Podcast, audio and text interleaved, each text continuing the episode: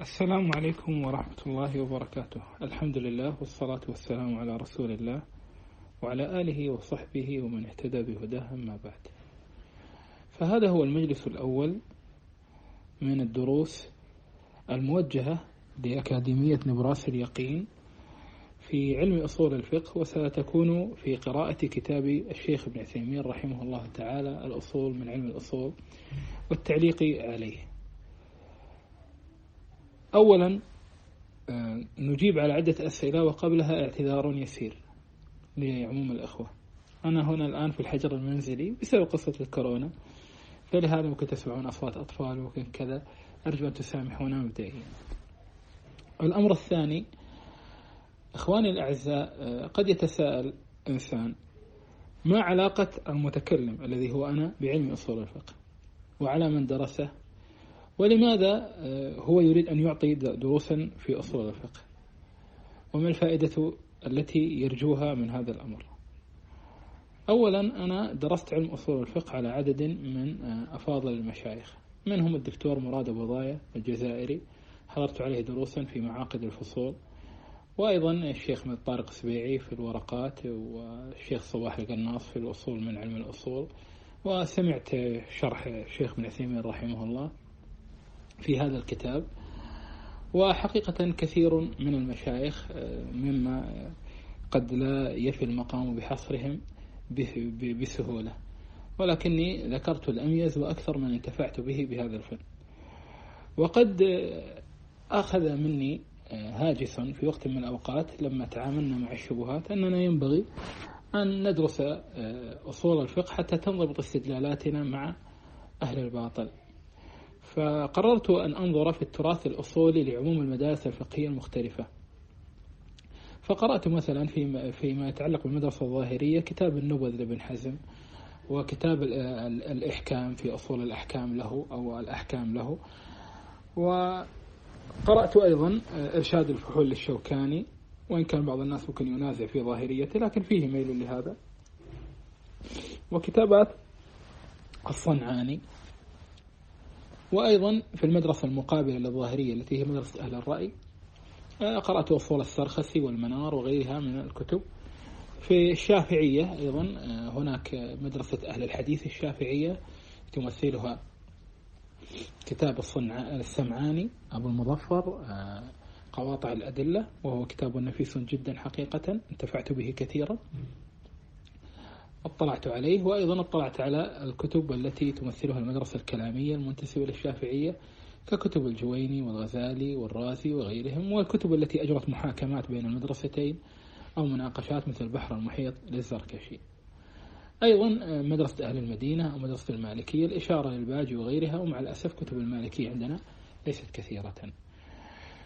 وأيضا وأما في الحنابلة فاطلعت أيضا على العدة لأبي يعلى وال والتمهيد الكلوذاني والواضح لابن عقيل وروضة الناظر لابن قدامة والمسودة لآل تيمية و وإعلام الموقعين لابن القيم وغيرها من التصانيف.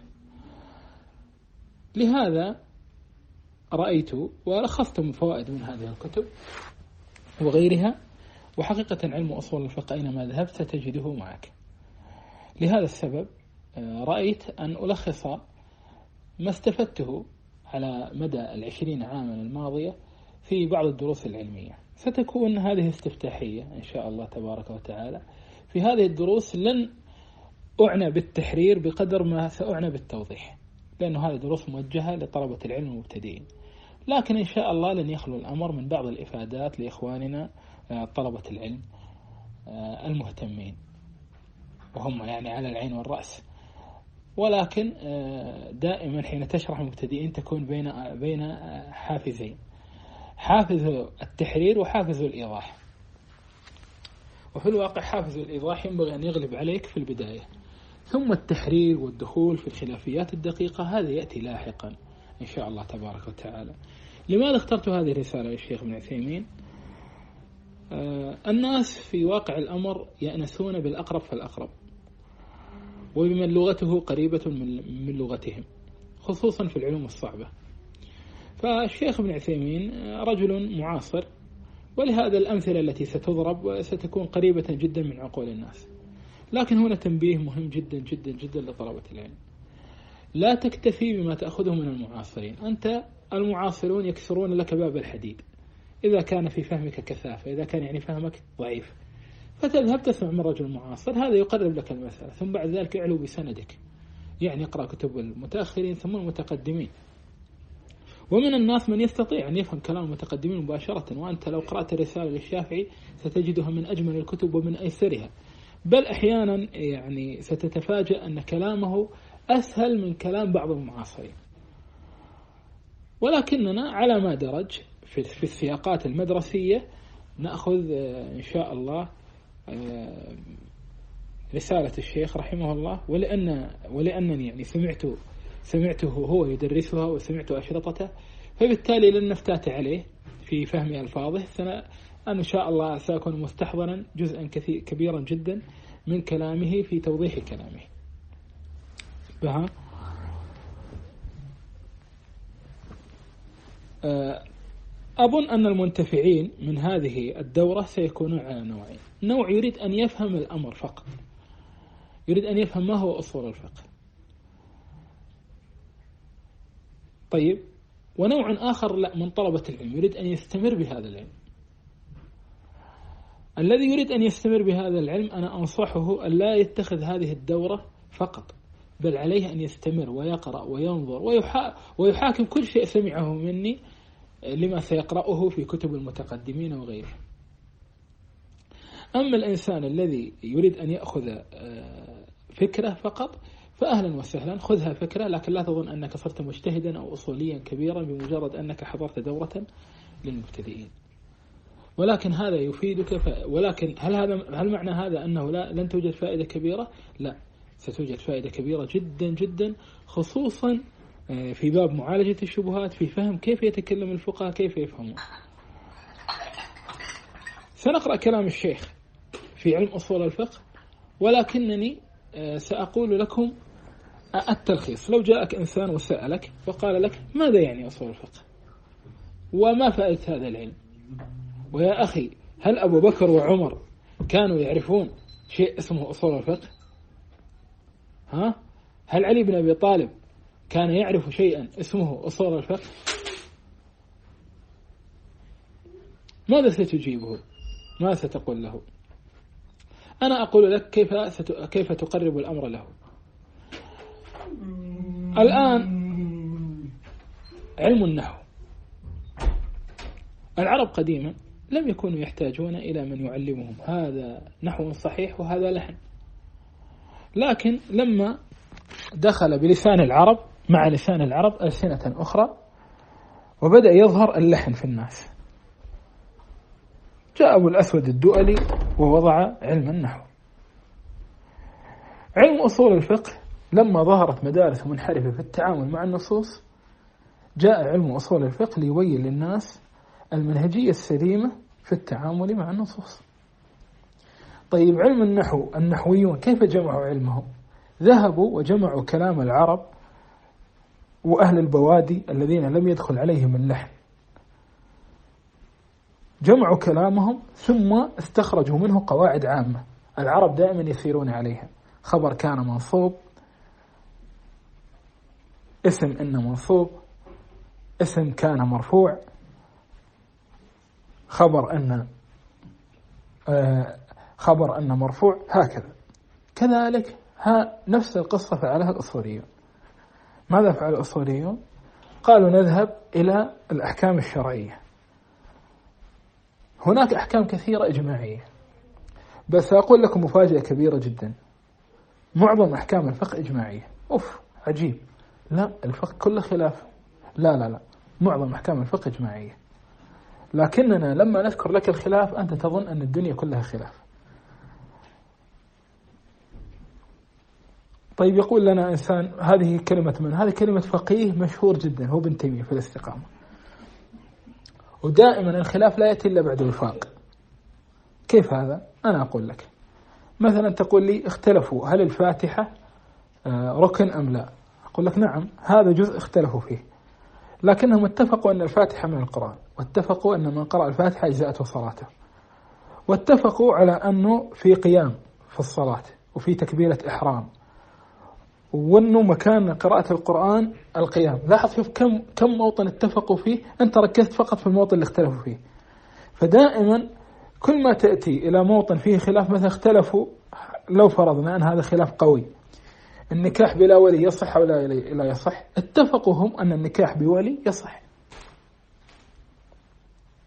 فدائما آه، فما الذي حصل؟ الأصوليون جمعوا المواطن الاتفاقية ورأوا الناس كيف يمشون فيها. ما هي القواعد التي مشى عليها الناس في الأصول الاتفاقية؟ واستخرجوا لنا علم أصول الفقه. بحيث أننا إذا اختلفنا نحن آه، إذا اختلف الفقهاء بين بعضهم البعض الفقه دائما في مناظراتهم ما هي طريقتهم؟ طريقتهم كلنا مجمعون أن القرآن والسنة فيهما هداية وأننا نأخذ الأحكام منهما. لكن أنا قلت هذا مباح. وأنت قلت أنا قلت أن هذا آه، مستحب. وأنت قلت أن هذا واجب.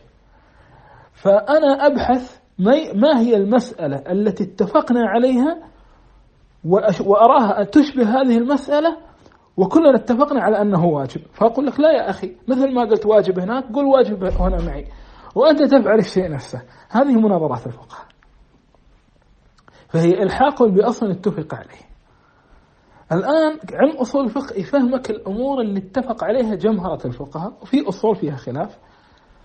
وسنتحدث كيف تم معالجة هذا الأمر. بسم الله الآن فهمنا آه، ما هو علم أصول الفقه؟ طيب ما فائدته؟ فائدته الصد عن البدع الصد عن الفهم الغالط. اليوم كثير من النقاشات التي لا ترجع إلى علم أصول الفقه وأصول الحديث نقاشات عقيمة جدا. نقاشات عقيمة جدا لأنها غير خاضعة لمنهجية. هذه منهجية تعلمك كيف تناقش كيف تأخذ وتعطي ما الذي يصلح أن يكون حجة وما الذي لا يستطيع لا يصلح أن يكون حجة.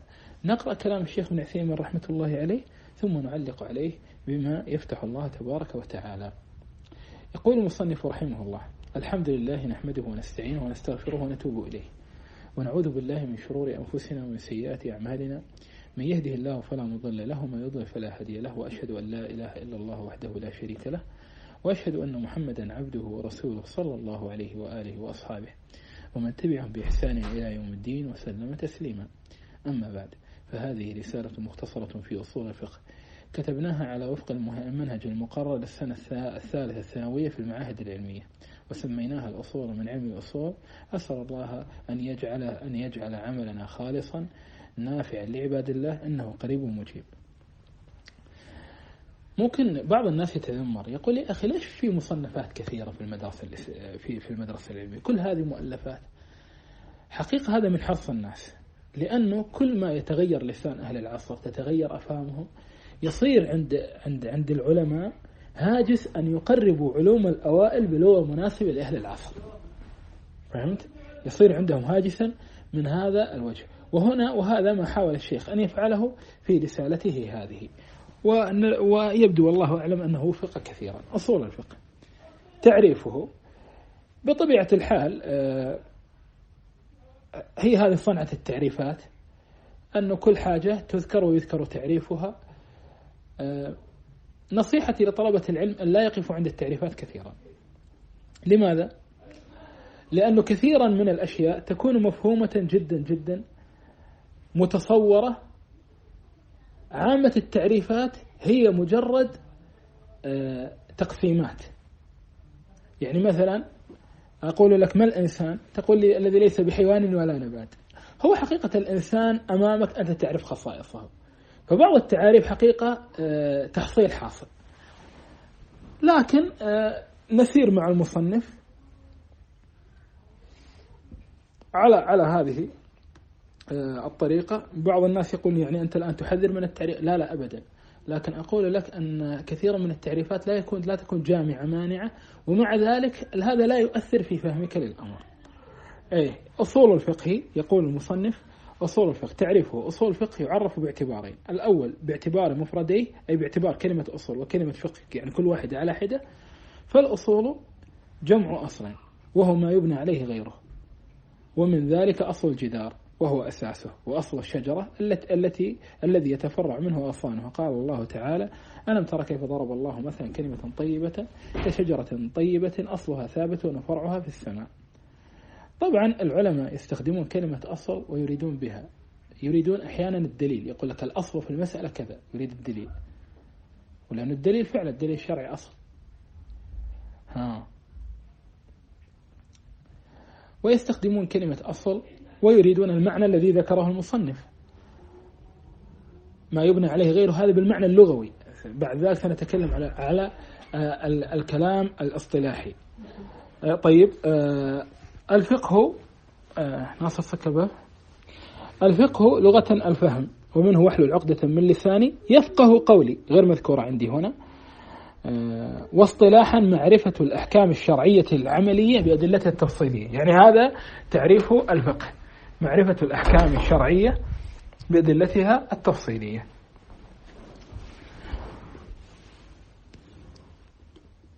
يقول المصنف فالمراد بقولنا معرفة العلم والظن لأن إدراك الأحكام الفقهية قد يكون يقينيا وقد يكون ظنيا كما يكون في كثير من أصول من مسائل الفقه. والمراد بقولنا الأحكام الشرعية الأحكام المتلقاة من الشرع فخرج كالوجوب والتحريم فخرج به الأحكام العقلية كمعرفة أن الكل أكبر من الجزء والأحكام العادية كمعرفة نزول الطل في ليلة المطر إذا كان الجو صحوا. هو في الواقع أصول الفقه أصول الفهم ونحن نستخدمه حتى في العقيدة فهي ليست خاصة بالفقه. فحقيقة منهجية فهم النصوص في العقيدة وفي الفقه شيء واحد. وهنا مسألة. مرات نقول أصول دين وفروع دين. طيب أصول الدين وفروع الدين ما الضابط؟ كيف يعني متى نقول هذا أصل دين ومتى نقول هذا فرع دين؟ يعني بعض الناس يقول يا أخي هذه المسألة ما هي من أصول الدين. لا, لا, لا تزعجون الناس بها. طيب. نحتاج أن نفهم هذا الأمر. لأن الشيخ كأنه يقول أصول الفقه خاصة بالفروع. مع ومع ذلك ذكر أنها أحكام يقينية. أحيانا تكون يقينية. مشهور جدا عن طلبة العلم أن شيخ الإسلام ابن تيمية اعترض على تعريف الأصول والفروع آه، المشهور عند الناس. فبعض الناس يقول الأصول المسائل الغيبية. والفروع المسائل العملية. شيخ الإسلام يعترض. يعني شيخ الإسلام ممكن يعترض على كلام الشيخ ابن عثيمين هذا. طيب يا شيخ الإسلام إيش الحل؟ يعني ما في أصول ولا فروع؟ قال لا. قال الأصول هي المسائل اللي أدلتها تكون واضحة جدا والفروع اللي فيها اشتباه. قال لهذا لو رجعنا إلى كتب العقيدة الأوائل نجد أحيانا يذكرون المسح على الخفين. يذكرون بعضهم تحريم المتعة بعد ما صار يقينيا. وهذا آه، كثير من الناس عنده تعريف المعتزلة أن المسائل الغيبية سواء كانت أدلتها يقينية أو ظنية هي هي عقيدة. والمسائل الفرعية لا الآن مثلا وجوب الصلاة.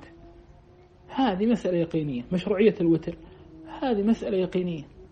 لكن مثلا والله اسم من أسماء الله الحسنى هل يثبت فيه الحديث أو لا يثبت والحديث فيه كلام؟ صحيح مسألة غيبية لكنها في النهاية مسألة فيها درجة من الظن.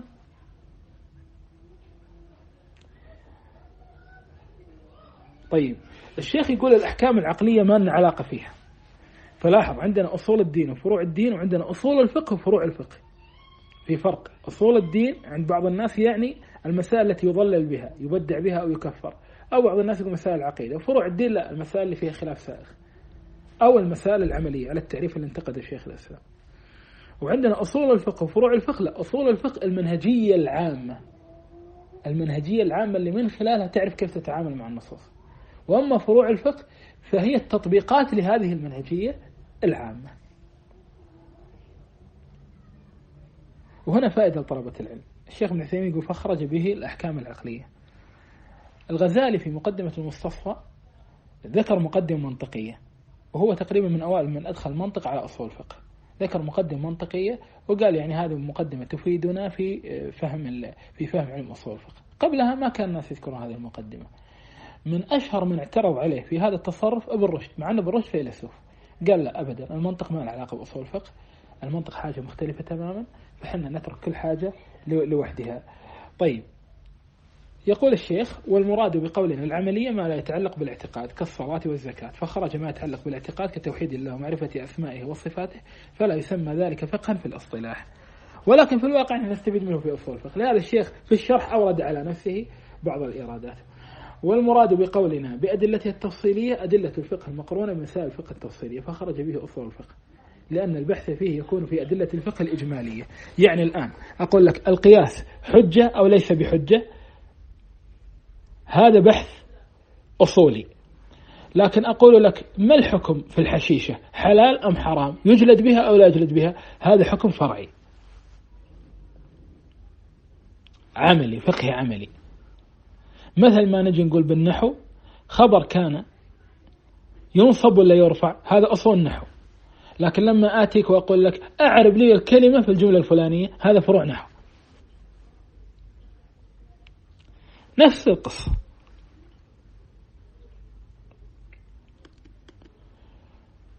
يقول المصنف رحمه الله